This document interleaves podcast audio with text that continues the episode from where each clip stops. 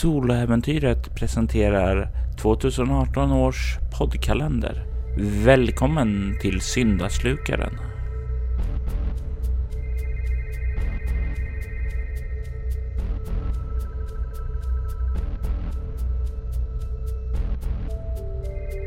Jag är Hjalmar Nordén från Red Moon Roleplaying och i detta avsnitt spelar vi rollspelet Leviathan.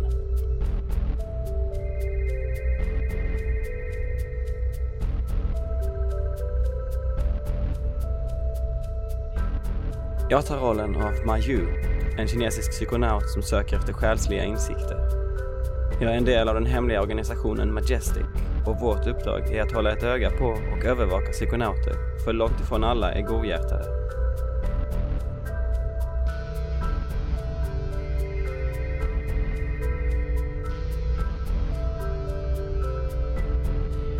Nyligen upptäckte jag Dosha, en rysk psykonaut som spridit terror runt om i havet.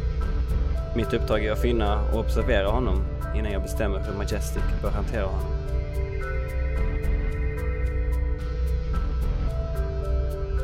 Välkommen till Dosha.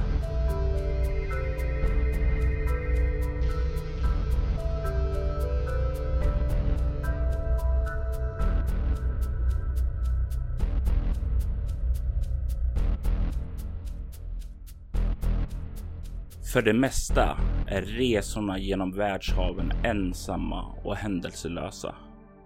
I de mörka oceanerna kan man få färdas många timmar, ja ibland dagar mellan olika baser innan man stöter på något annat liv. Det resulterar i en ganska stark kontrast om man väl kliver ombord på baser som ofta lider av överbefolkning, trängsel och högljudda skrik. För den kinesiska Mayu är inte något av dessa förhållanden störande. I folkmassor har hon lätt att vara anonym och smälta in. Medan hon under färderna genom de ödsliga oceanerna kan koppla bort världen och sitta i djup meditation för att finna nya insikter. Ju är nämligen inte som de flesta andra människorna hon är en psykonaut, en av de uppvaknande som har väckt sina själskrafter till liv. Det bästa sättet att beskriva henne på är att kalla för henne för en sökare. En person som vill ta reda på mer om var själen kommer ifrån. Ju är dock inte ensam om att vara en psykonaut, utan hon är med i en sammanslutning som håller en låg profil de kallar sig själva för Majestic och deras främsta syfte är att övervaka de psykonauter de känner till och förhindra dem att använda världen som sin egen lekstuga. För med stora krafter följer stort ansvar. Efter att Majestic hade fått in rapporter om hur en person under våldsamma omständigheter brutit sig in i ett av Gemas hemliga säkerhetsvall och stulit något och sedan tagit sig vidare söderut och lämnat ett spår av kaos och förstörelse så skickades Ju ut för att undersöka saken.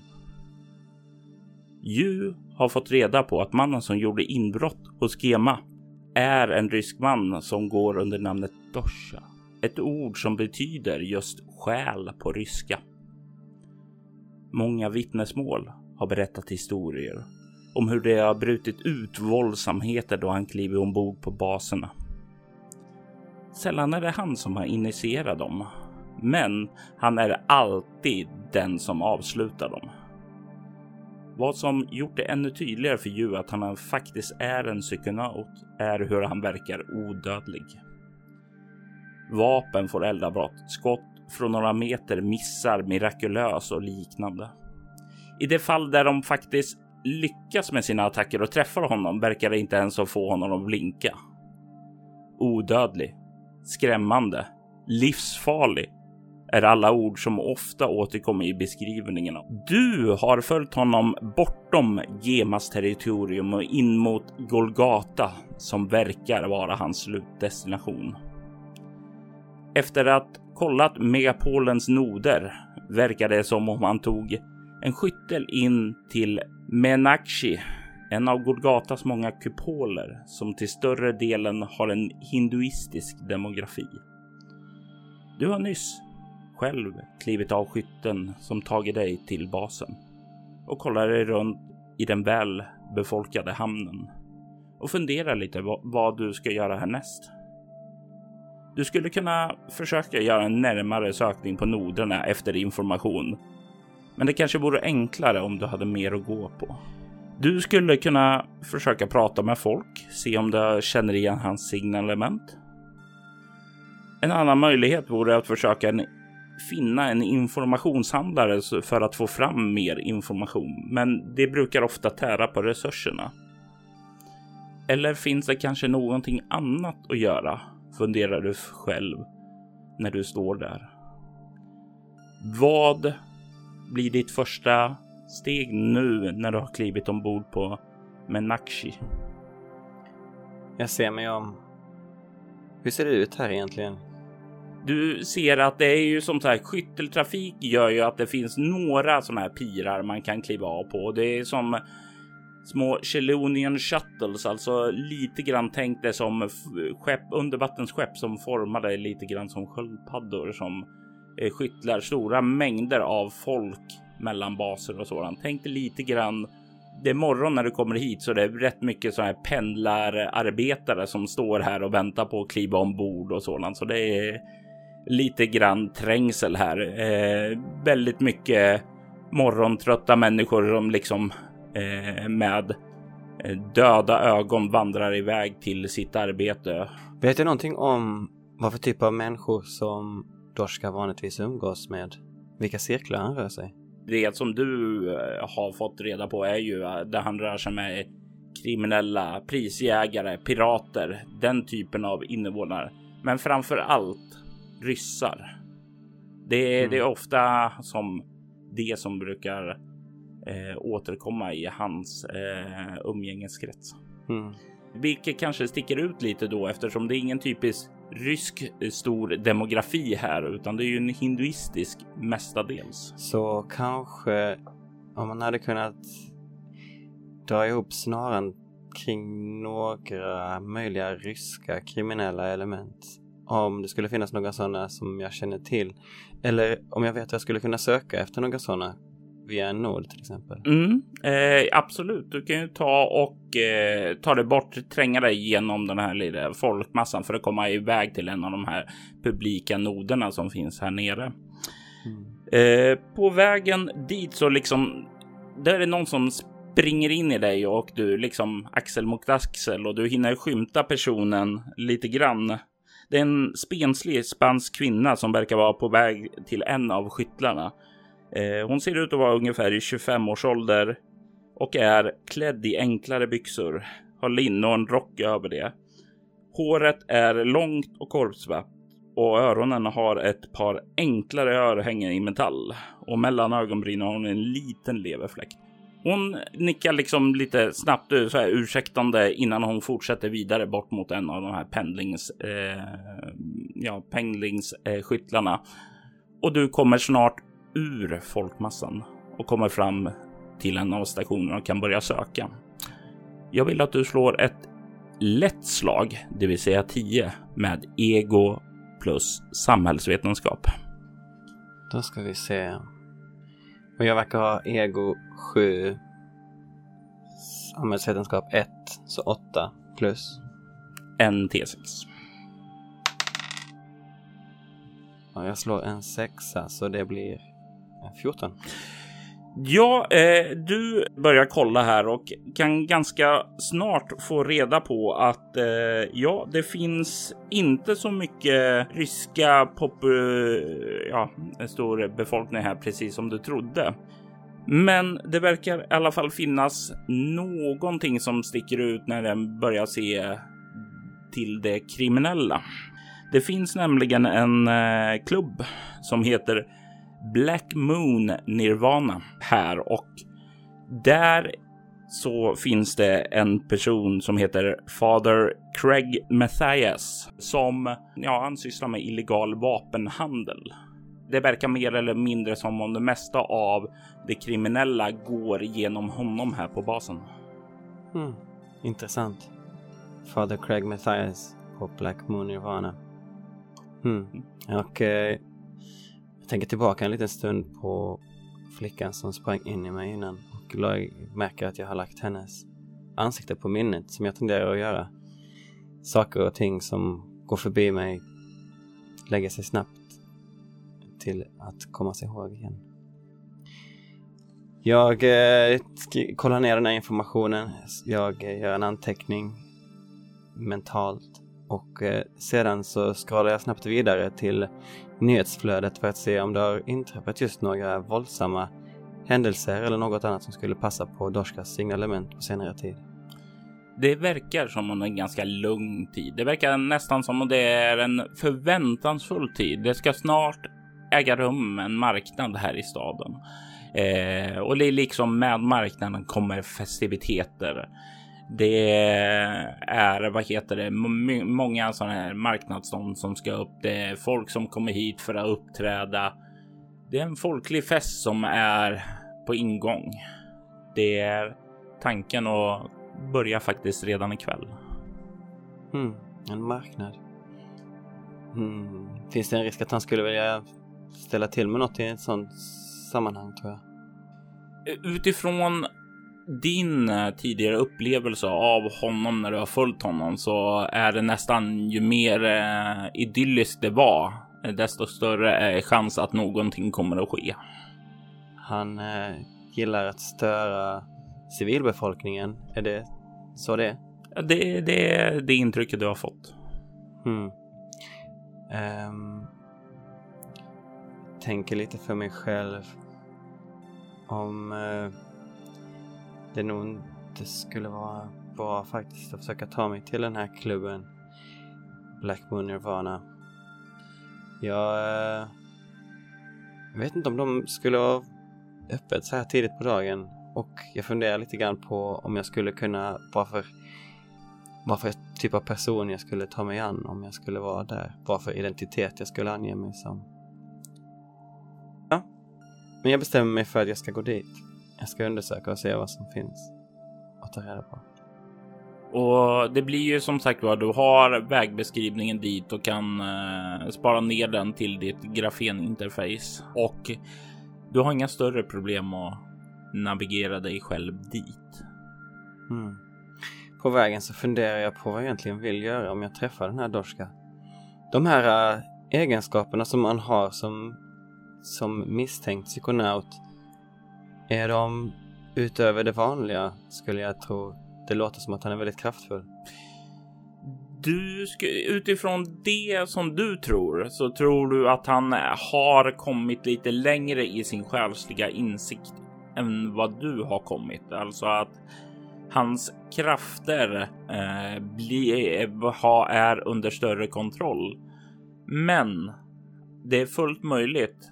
Och det här är någonting som du hörde från din läromästare att ju längre man har vandrat på stigen mot insikt. Det öppnas nya förgreningar i stigen. Att man finner nya krafter, aspekter av sig själv. Mm. Och det är den kunskapen som jag är så törstig att få lära mer om. Hur känns det om liksom här insikten kommer över dig att du inte riktigt är där ännu, men att den mannen du söker efter faktiskt verkar vara där?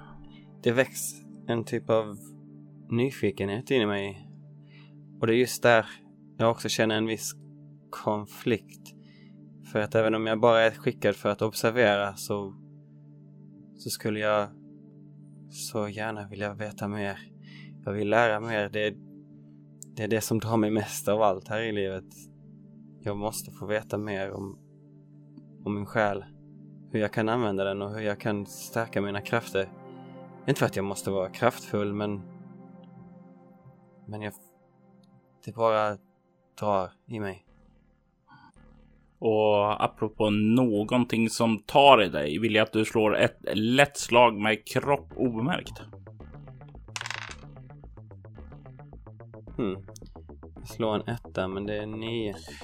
Nio är ett marginellt lyckat. Eh, du lägger märke till vad heter det, hur en, eh, ja, kan vara en unge, eh, kanske nio år eh, gammal, rakat hår, ser ut att ha lite orientaliskt utseende. Eh, har sin hand i din eh, ficka på väg för att rumstera för att se om man kan ta någonting från dig. Och jag räcker mig efter hans handled för att stoppa honom. Och du ser när du försöker göra det att du liksom får grepp, men det liksom slinker ut ur din hand när det gör det och han börjar springa undan ifrån dig. Är det här vanligt eller? Det är inte så vanligt för du brukar vanligtvis eh, inte bli överraskad på så, sånt här sätt.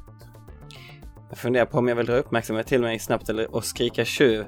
Men istället försöker jag springa efter den här karaktären.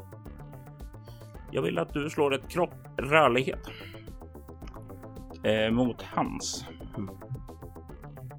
Ja, det är inte min starkaste sida. Sju. Eh, jag slår för honom. Sju. Ja, du ser ju att han pinnar på liksom. Han dyker in i en gränd och när du väl kommer in där i gränden så ser du att det är bråte och att det är något litet hål som är svårt att tränga sig igenom där, men som hans lilla eh, pojkstorlek eh, säkerligen man ganska enkelt slunk igenom. Och du tror att ja, han kommer nog ha ett ganska bra försprång om du kommer ska ta dig igenom. Nåja, tänker till mig själv. Det är inte knappast därför jag är här.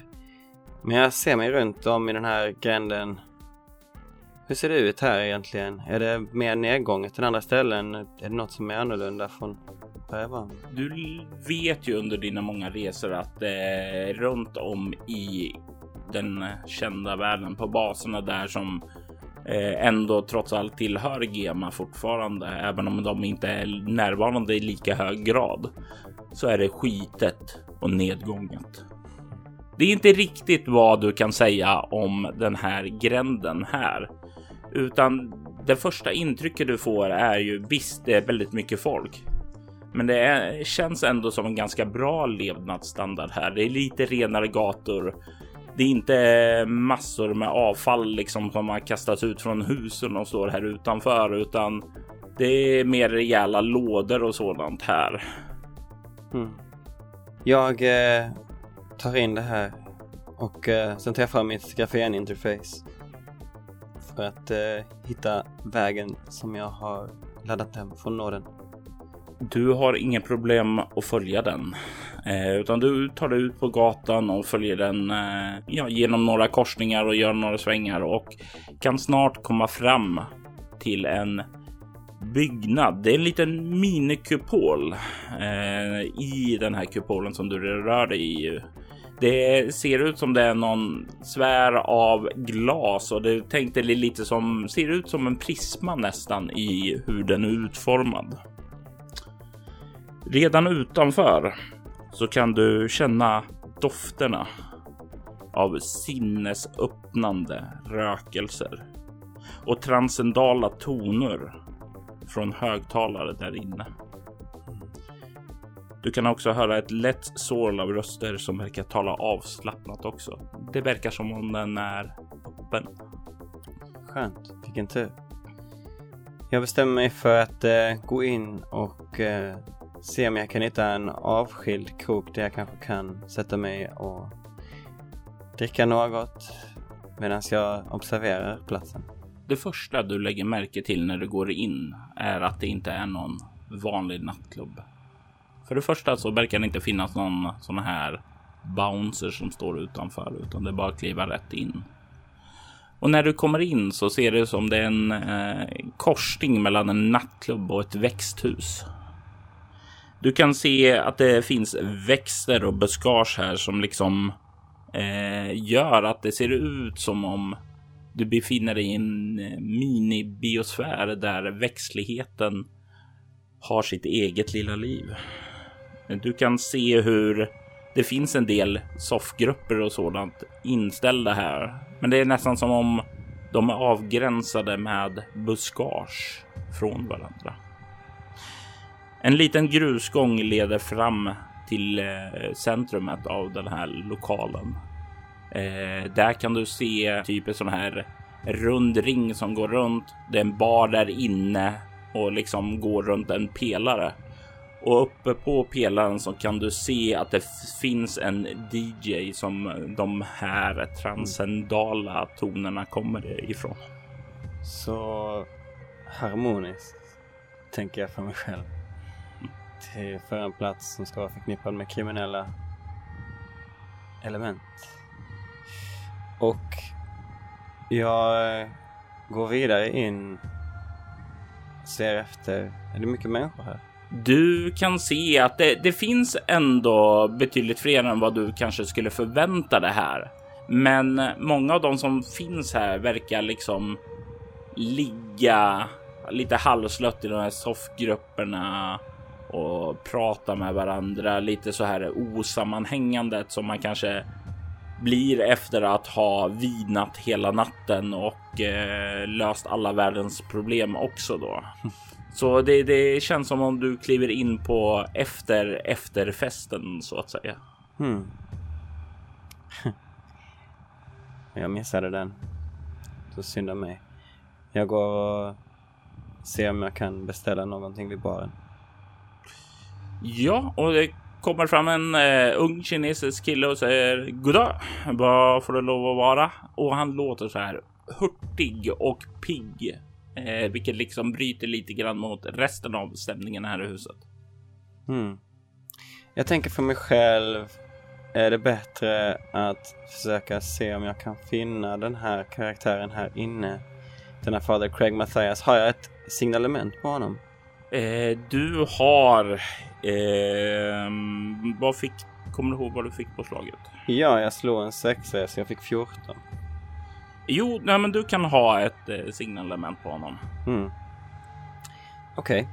så jag skulle antagligen kanske känna igen honom om jag såg honom. Jag bestämmer mig först för att eh, observera lite grann och se vad som händer. Jag eh, säger God dag. Jag skulle vilja ha något lätt. Absolut, absolut, eh, säger han. Eh, dryck, röka eller kanske, kanske något av våra specialare. Mm. Vad är husets specialare? Vår eh, lilla kock är en utmärkt blandare av cocktails. Eh, och jag menar inte den man dricker då säger han och ler och gör en liten gest. Du kan se så här pillerburkar som står där bak. Mm. eh, tack, men jag börjar med någonting att dricka. En eh, kanske något fruktigt. Absolut, absolut, det fixar vi. Och eh, du kan se hur den vänder sig om och börjar fixa ihop en fruktig drink åt dig och eh, skjuter sedan över det och du får eh, betala för den innan du tar emot den. Mm. Jag tar den och betalar och eh, sedan så rör jag mig lite runt den här intressanta designen och har grönskan mitt i allt. Det får mig nostalgisk på något sätt. Jag vet inte riktigt varför. Men jag eh, ser mig om och utan att se särskilt vilsen ut, som att jag vet exakt vad jag letar efter, så ser jag om jag kan se någon med det här signalementet. Ja, för att liksom inte sticka ut och verka diskret och hålla koll där så vill jag att du slår ett eh, utstrålning plus obemärkt. Då ska vi se. När är det jag får slå extra tärningar. Det är när du har en relevant specialisering. Då får du slå två tärningar. Mm. Som i kulturell kameleont eller?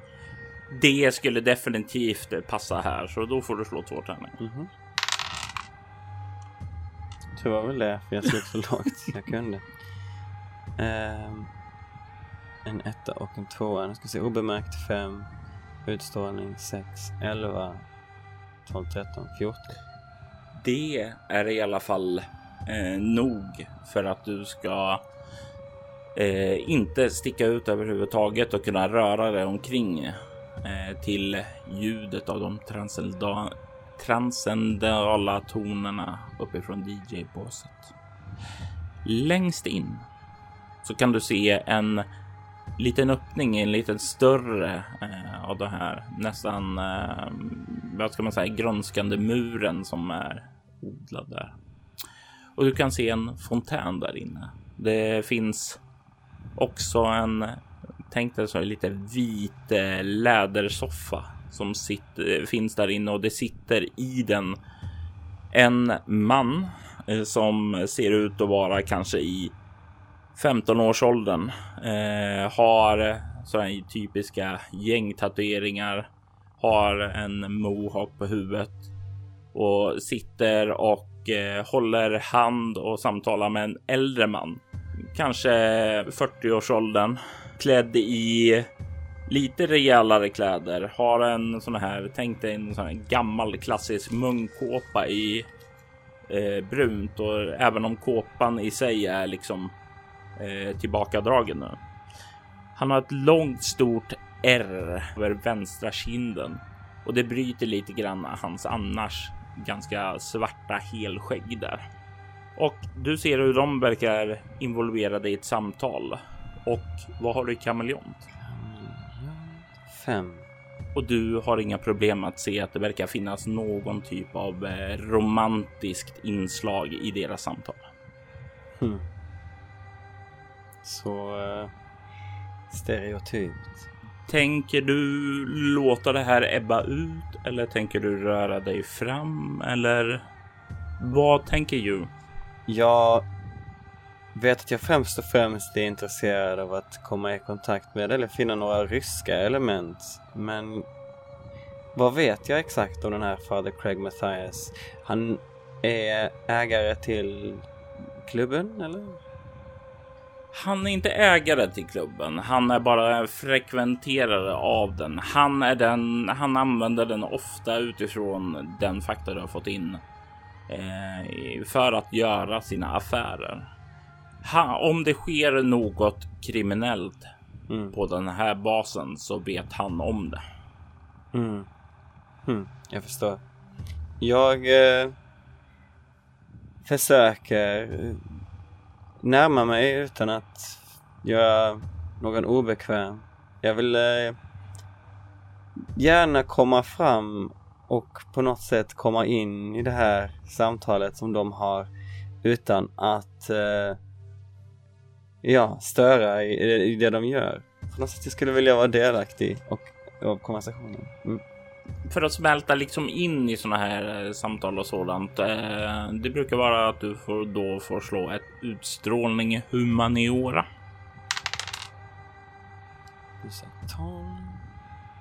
18.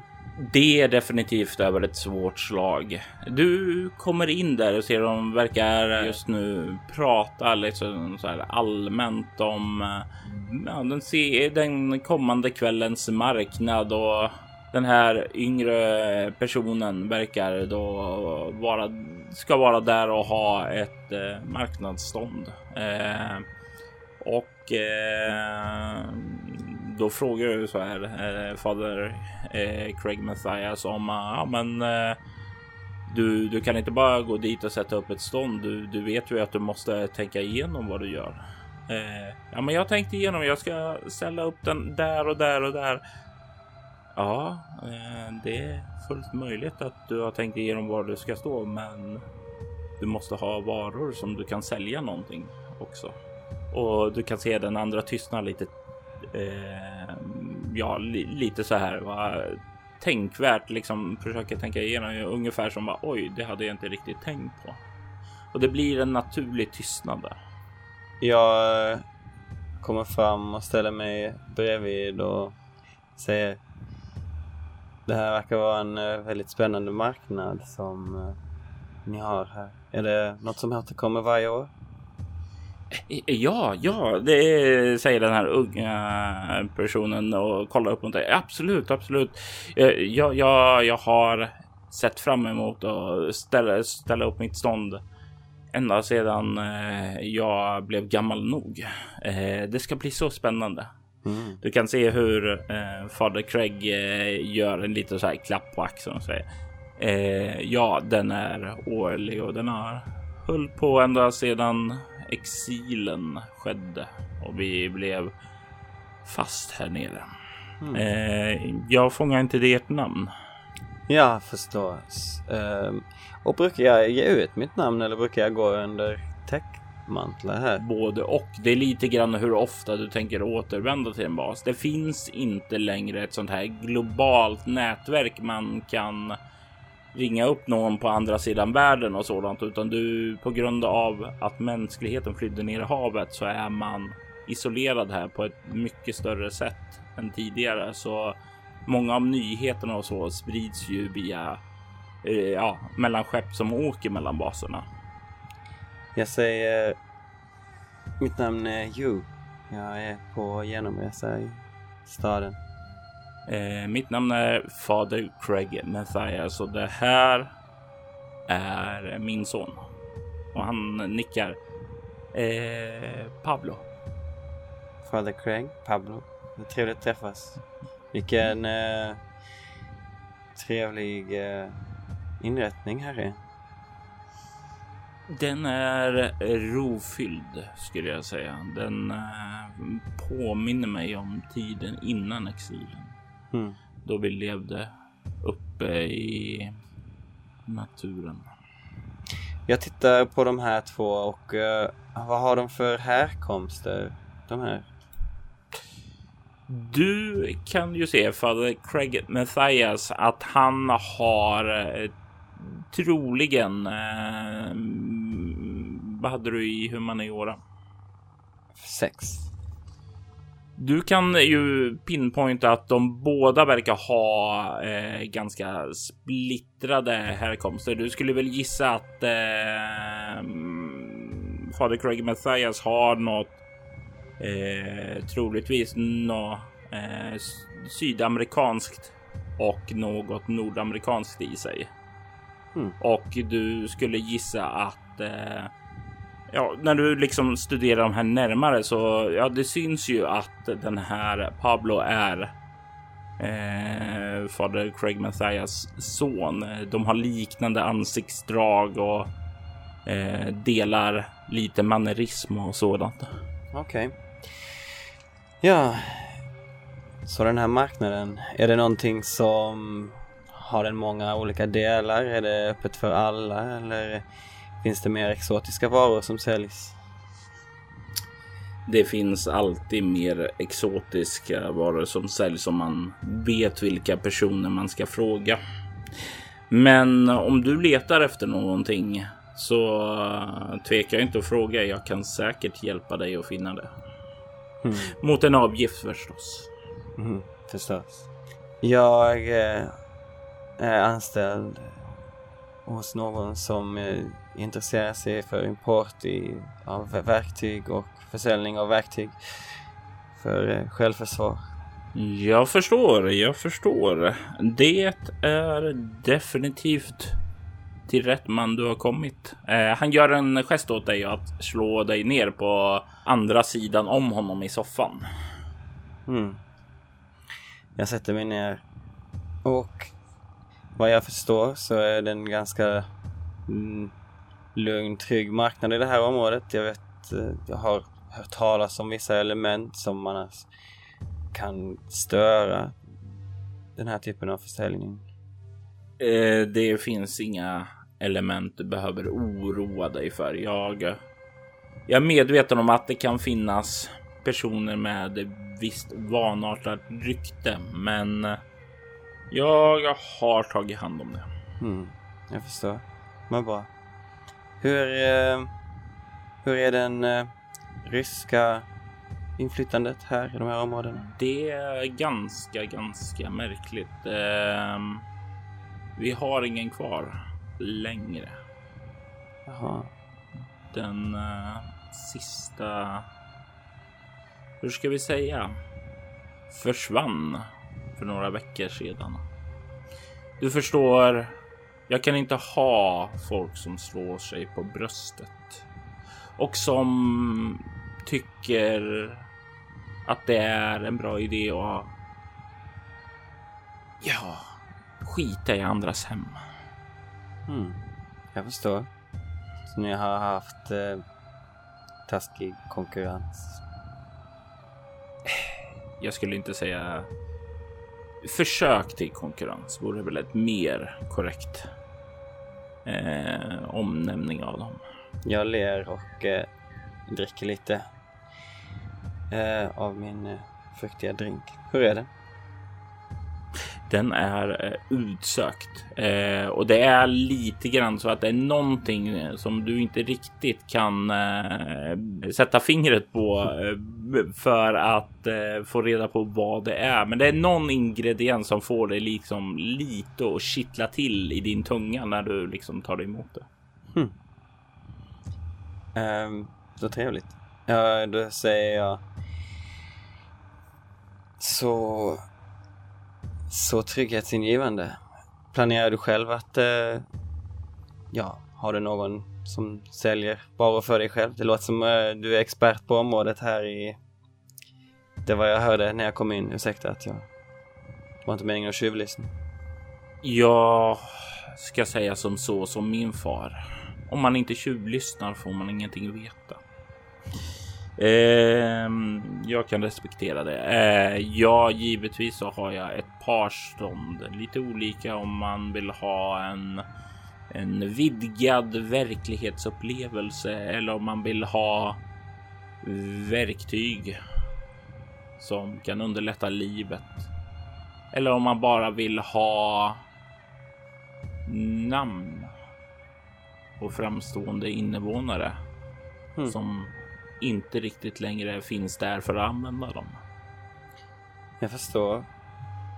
Jag har ett namn på en person som har ställt till det något i våra, ska vi säga, operationer, våra planer och det namnet är Dosha. Dosha. Mm. Jag förstod att du var här för att sniffa om det när du började tala om oroligheter. Jag nickar. Ja, jag vet vem Dosha är. Eh, men eh, varför skulle jag berätta något om denna kund till dig? Mm, jag tänker intressant direkt. Det är någon som kan vara en kund till honom. Um, Jag säger... Det har cirkulerat störande rykten om hans nästintill osårbarhet. Och eh, jag är nyfiken på vad det här är för en karaktär. Särskilt med tanke på att han verkar, eh, ja, inte helt vara trygg att umgås med. Om du säger att du är hans, om du säger att han är en kund till dig så skulle jag nog vara försiktig med hur nära jag allierar mig med honom. Hmm. Du kan slå ett utstrålning interaktion. Eh, mot hans eh, motståndslag här. Mm. Och du ska komma upp i 14.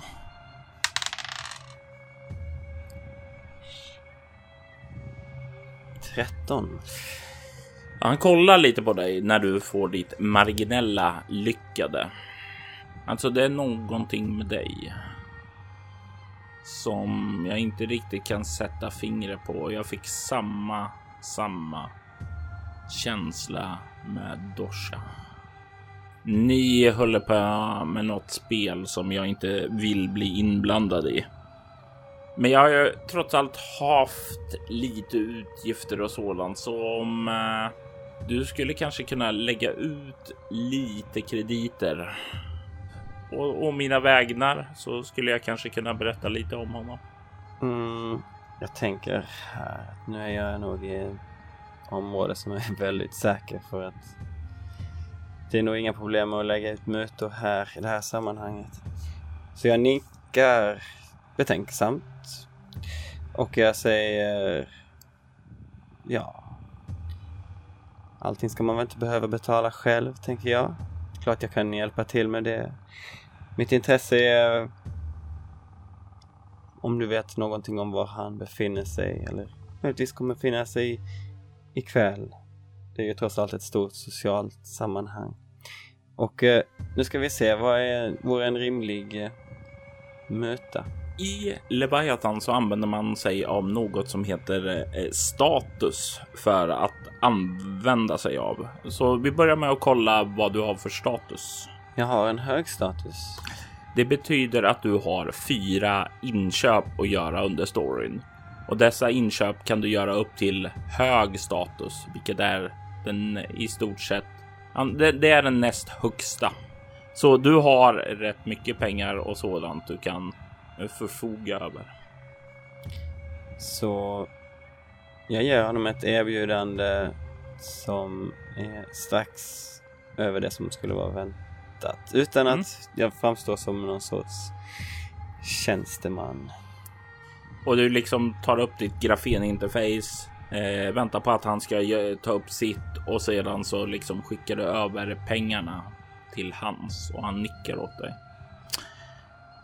Eh, jag tar och skickar över en adress till dig och sedan så gör han det och det plingar till i din och du kan se att du har fått ja, vad man skulle kunna beskriva som en app översänd till dig. Jag har gett dig rättigheter nu eh, att eh, när han checkar in på ett av mina safehouse så kommer det att pinga till i din grafen interface med adressen. Aha. Han fick tillgång till ett antal eh, olika safe houses, men han ville inte att jag skulle veta exakt vilket. Men eh, så kan vi inte ha det. Ett nöje att göra affärer med dig, Father Craig. Jag eh, kommer se till att eh, ordningen inte störs eller ditt rykte störs på dina safe houses. Det kan vara en intressant sak för dig att veta också att han var inte bara här eh, för att få ett safe house. Han har mm. inhandlade 13 stycken bomber också. Mm. Jag förstår. Och vet du någonting vad han planerar eller om han har några medarbetare? Eh, han är själv vad jag kan veta. Han gjorde inga som helst indikationer på att han var med någon. Det var en annan sak som var lite märklig. Han hade med sig i bältet hängde det en liten träask som han fingrade på hela tiden när han var här. En eh, träask? Ja. Uh, Så den ut? Eh, han beskriver en lite ja, brunaktig träask med någon form av eh, ja, nästan blombladmönster ovanpå sig. Jag förstår. Betyder det här någonting för mig? Eh, du kan slå ett ego-okkultism. Mm. 20. Eh, du känner ju till att eh, vad din mästare, din mentor sa innan han gick bort var ju att det långt tillbaka i tiden fanns saker som eh, kallades för reliker som hade olika inneboende gåvor, eh, krafter. Men att de alla ja, slutade fungera innan ni begav er ned i havet, människorna, för att bosätta sig då för den första tiden då vid kolonialiseringen av havet. Då. Men alltså, det kunde vara såna här. Eh, du har hört talas om myten om Pandoras ask till exempel. Det är ju någonting som eh, dröjt sig kvar hos dig. Och jag känner en liten adrenalin gå igenom mig när jag tänker på Chang som var min vårdnadshavare från så liten ålder. Och vad han berättade för mig om. Och att jag nu kanske är nära någonting sådant. Det låter troligt nästan med tanke på dessa oerhörda krafter som Nadoshka har uppvisat. Kanske någonting som förstärkt honom. Och jag känner att jag är så nära, jag måste, jag måste veta mer, jag måste veta. Och jag eh, tar och dricker lite mer av min drink. sen så nickar jag till Father Craig och säger Något mer du tycker jag ska veta innan jag går? Du vet det redan säkert, men uh, jag skulle inte hamna i en fair fight med honom om jag var du. Nej, jag förstår. Tack för tipset. Och eh, är det något område du tycker jag bör undvika eller bör eh, besöka medan jag är här? Jag har några områden jag tycker du ska undvika, säger han. Eh, jag kan skicka över en indikation på dem. Eh, om vad du ska besöka. Ja, jag känner ju inte dig så väl, men eh, det finns ett spa här som jag kan rekommendera. Du, du ser ut som du skulle kunna gilla span. Absolut. Skicka över det. Tack. Mm. Han nickar åt dig och lägger sedan armen över sin son och drar honom lite närmare sig. Jag eh, reser mig upp och eh, börjar lämna platsen. Mm. För jag kommer inte riktigt bry mig om att slutföra, eller att eh, dricka upp min drink. Jag har, jag är ganska nöjd med vad jag har samlat in. När jag börjar lämna stället, rapporterar jag till någon under tidens gång eller är det mer efteråt? Det är ju efteråt eftersom det inte finns något globalt eh, nätverk och kontakt över. Eh, mm. Ibland så finns det så här när du reser över så haven och sådant så finns det liksom så här drop stations där du kan lämna meddelande och någon annan hämtar upp det. Men mm. just nu så är det väldigt mycket på egen hand. Ja. Och eh, ja, jag är inte här för att ingripa riktigt. Det är lite alarmerande med själva bombplanerna men eh, vi måste se jag vill veta mer om honom. Vad han egentligen vill göra. Ja. Så vi får se om jag kan få... Eh, ja, om jag får något utslag på det här som man har gett mig. Annars så kan jag ju gå och besöka spat under tiden antar jag. mm. Ja, och eh, som sagt var, du har din eh, ditt grafeninterface liksom som eh, håller eh, aktivt koll på om det skulle plinga till där att han dyker upp någonstans. Eh, men det blir en ganska behaglig dag. Du besöker ett spa. Det känns härligt, friskt, rent. Ditt kropp är ditt tempel så att säga. Mm. Jag föredrar att eh, ta det på det sättet.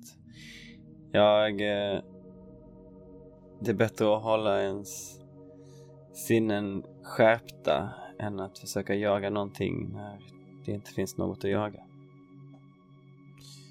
Och det är en bra filosofi för livet. Just nu finns inte så mycket att jaga. Men senare på dagen däremot, eller rättare sagt, det börjar bli framåt eftermiddag kväll så finns det någonting att jaga. För det pingar till i din grafeninterface. Att du har fått ett meddelande. Att eh, Dosha verkar ha checkat in i en byggnad som inte ligger allt för långt ifrån hamnen. Jag eh, är på spaet i min eh, badrock och eh, jag borstar färdigt mitt hår och eh, reser mig upp, lämnar efter mig det som jag har använt och eh, börjar promenera ditåt efter att ha betalat och lämnat stället. Du betalar, kliver ut. Eh, börjar röra dig däremot och du kan redan nu märka att det är annorlunda. Eh, det är mycket mer folk eh, centrerat eh, i lite grann mot innerkärnan, tro, troligtvis där marknaden hölls. Medan vägen ned till hamnen då har blivit mycket glesare på folk. Det är tystare nu. Det är ingen trängsel. Hmm.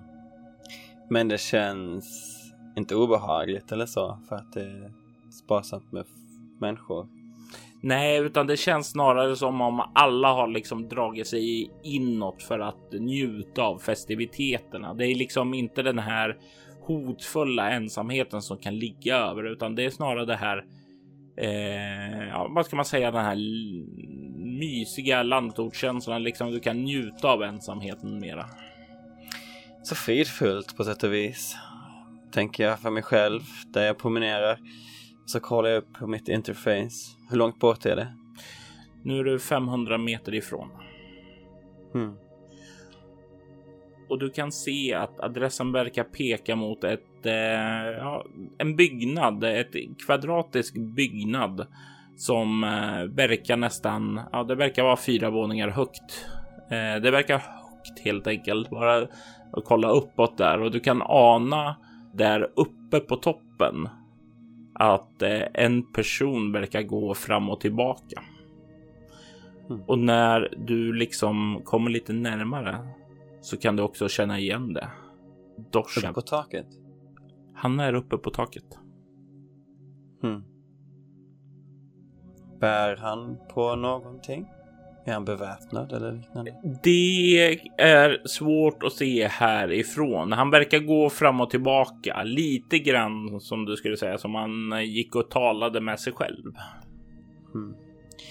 Jag tänker att eh... det är nu det skär sig lite för mig mellan uppdraget att bara observera och nyfikenheten och viljan att ta kontakt med honom för att absorbera hans kunskap och lära mig mer om vad han vet som inte jag vet kanske. Om det nu verkligen är så att han har kommit längre i sin själs färd. Men jag bestämmer mig för att jag kan inte riktigt hålla mig. Jag måste, jag måste veta. Jag, jag närmar mig byggnaden och ser, är det någon sorts lägenhetsbyggnad eller är det mer som ett hus i så fall? Det, det är paketet. Jag tänkte att det troligtvis finns en sån här liten ingång och sedan ett trapphus med en lägenhet på varje våning ungefär. Upp på till och med fjärde våningen. Mm. mm. Okej.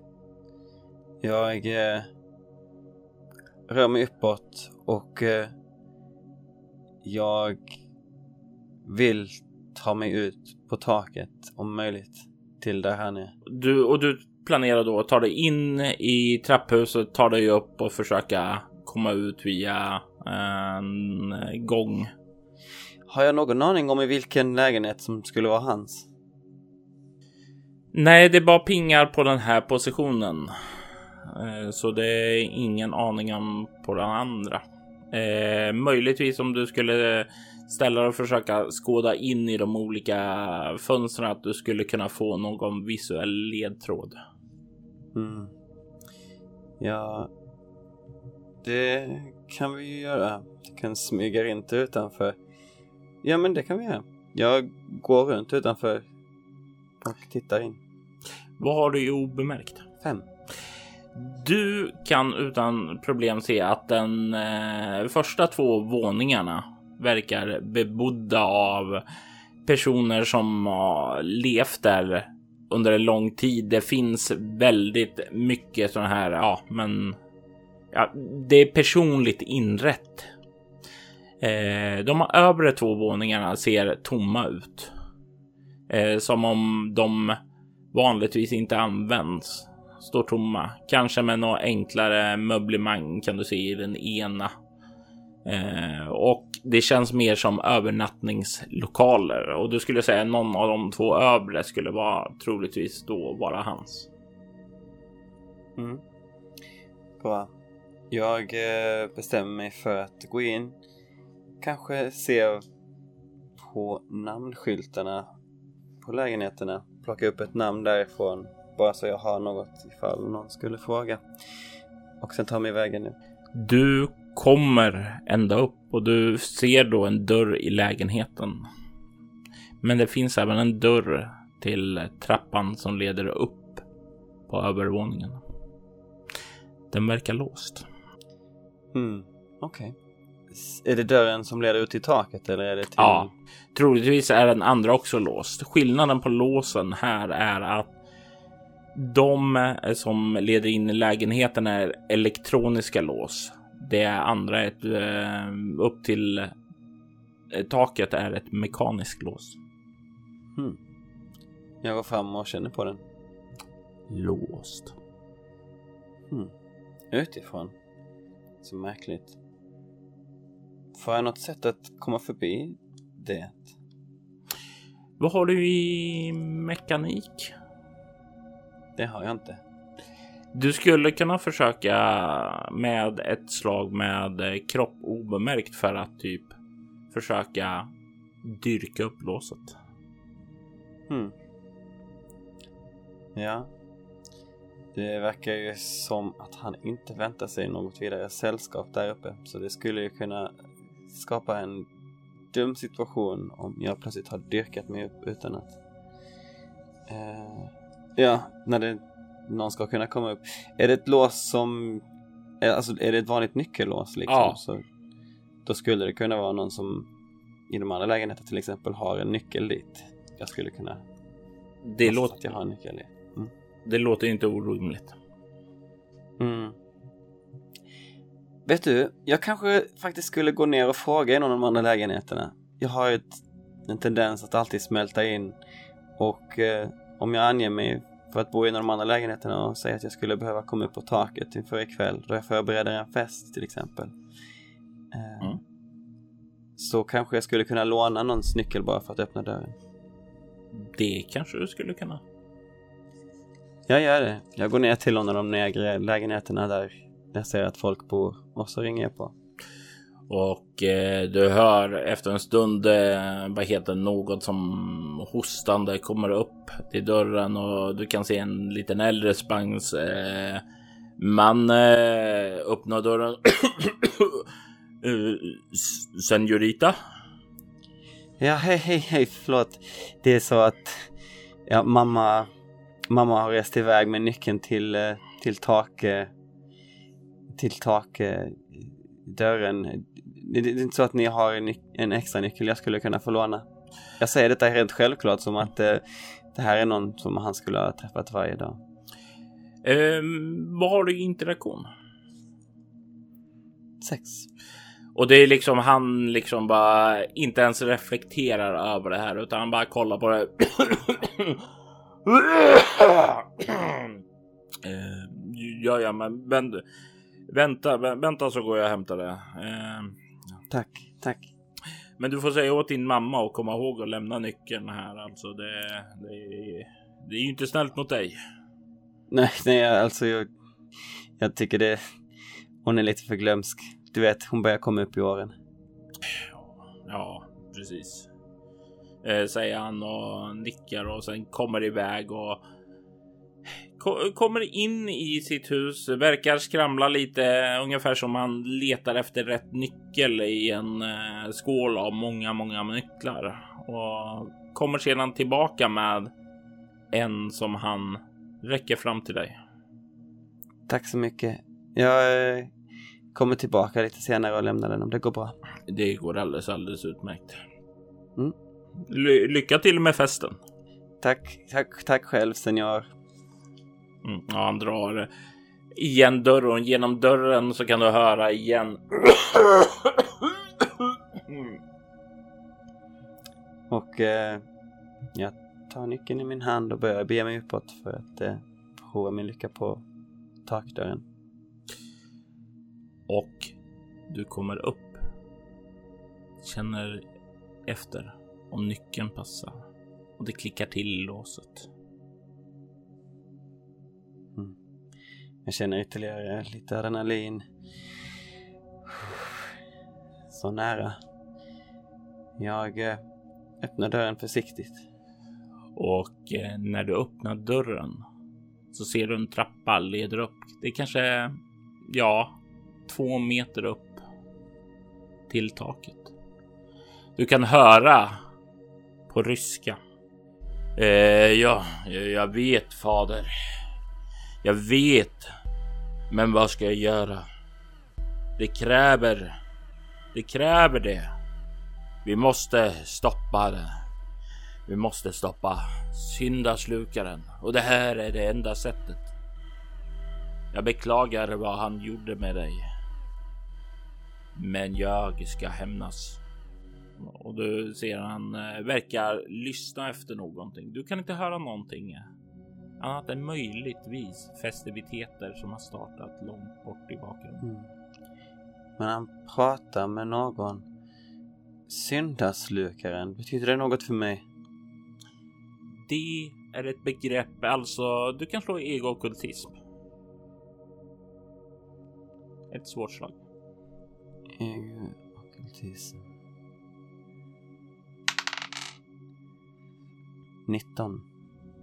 Syndaslukare. Eh, alltså, du drar ju dig till något liknande i alla fall som du har hört. Du har hört talas om eh, syndaätare, alltså sin eater som liksom ja, accepterar andras synd på sin egen axel.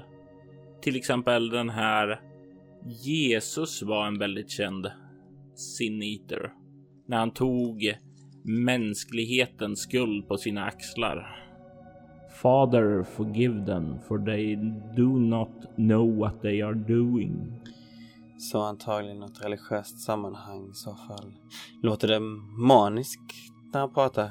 Du kan faktiskt slå ett ego kameleont för att bedöma liksom lite mer av hans känsloläge. 13 du får lite grann av känslan av att det här är en person som har blivit antingen emotionellt eh, ärrad någon gång under sitt liv eller haft någon form av diagnos en gång i livet. För han, han låter väldigt nästan, ja, jag ska väl säga besatt av eh, fixerad vid någonting. Och du kan ju höra han liksom talar mer då när du står där och lyssnar och det återkommer till ett tema och det är alltid den här syndaslukaren. Att det är en ondska som måste stoppas. Han verkar förbereda någonting här uppe och vänta på något tillfälle. Om jag lägger ihop det med tidigare information att han köpte ett visst antal bomber så känns det som att han väntar på Ja, fyrverkerier.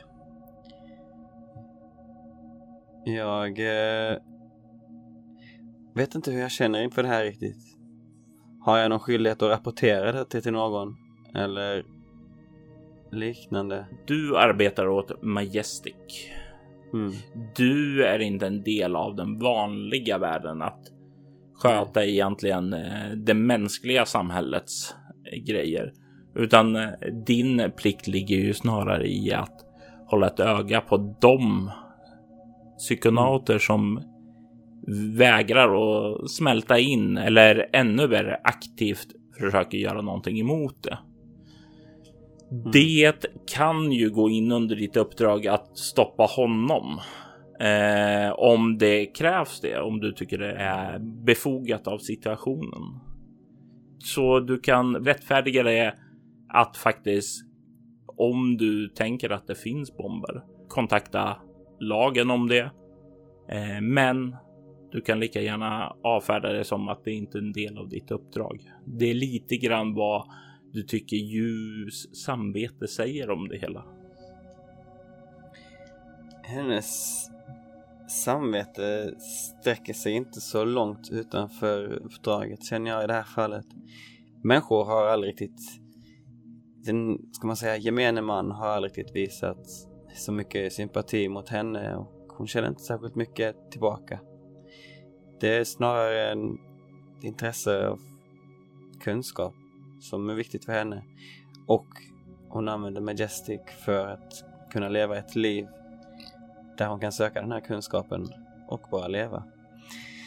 Så jag väger återigen en gång mellan att fortsätta observera den här situationen eller ta kontakt med honom. Um, jag väljer att, att gå upp. Och du kliver upp. Och du kan se den mannen som du har förföljt. Som vandrar fram och tillbaka. Du kan se hur han bär vapen under jacka som han har på sig. Axelhölsterna bultar ut lite så du har inga problem att lägga märke till dem. Han går eh, lite längre bort på taket och mellan er så kan du se att det finns ett stort rött träkors. Och det här träkorset verkar skimra lite i olika röda nyanser när du kommer upp och liksom kollar på det. Det är liksom det skiftar lite grann beroende på vilken position du står i. Det känns inte alls naturligt för dig. Men det kanske mm. känns fascinerande. Dorska kan du se också har i sin hand en träask av samma typ av träd som det korset är gjort i.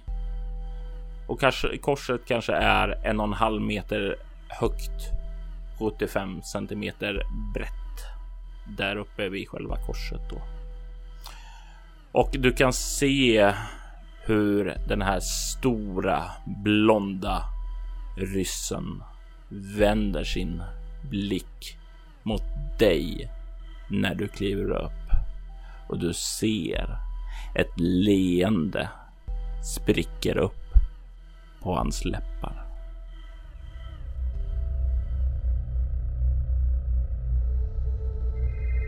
Psykonauten Maju spelades av Hjalmar Nordén och spelledaren var Robert Jonsson. Musiken i detta avsnitt var skapad av Andreas Lundström och Abstract Assassinator. Syndaslukarnas vignett är skapad av Andreas Lundström.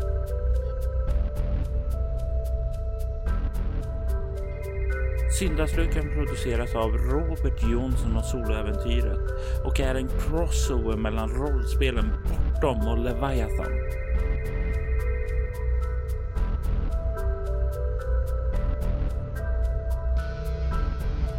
Soloäventyret finner du på iTunes, Bortom.nu, Facebook eller andra poddfångare. Om du har lust, lämna ett betyg och skriv en recension eller rekommendation om oss på antingen iTunes eller Facebook. Vi skulle uppskatta det djupt.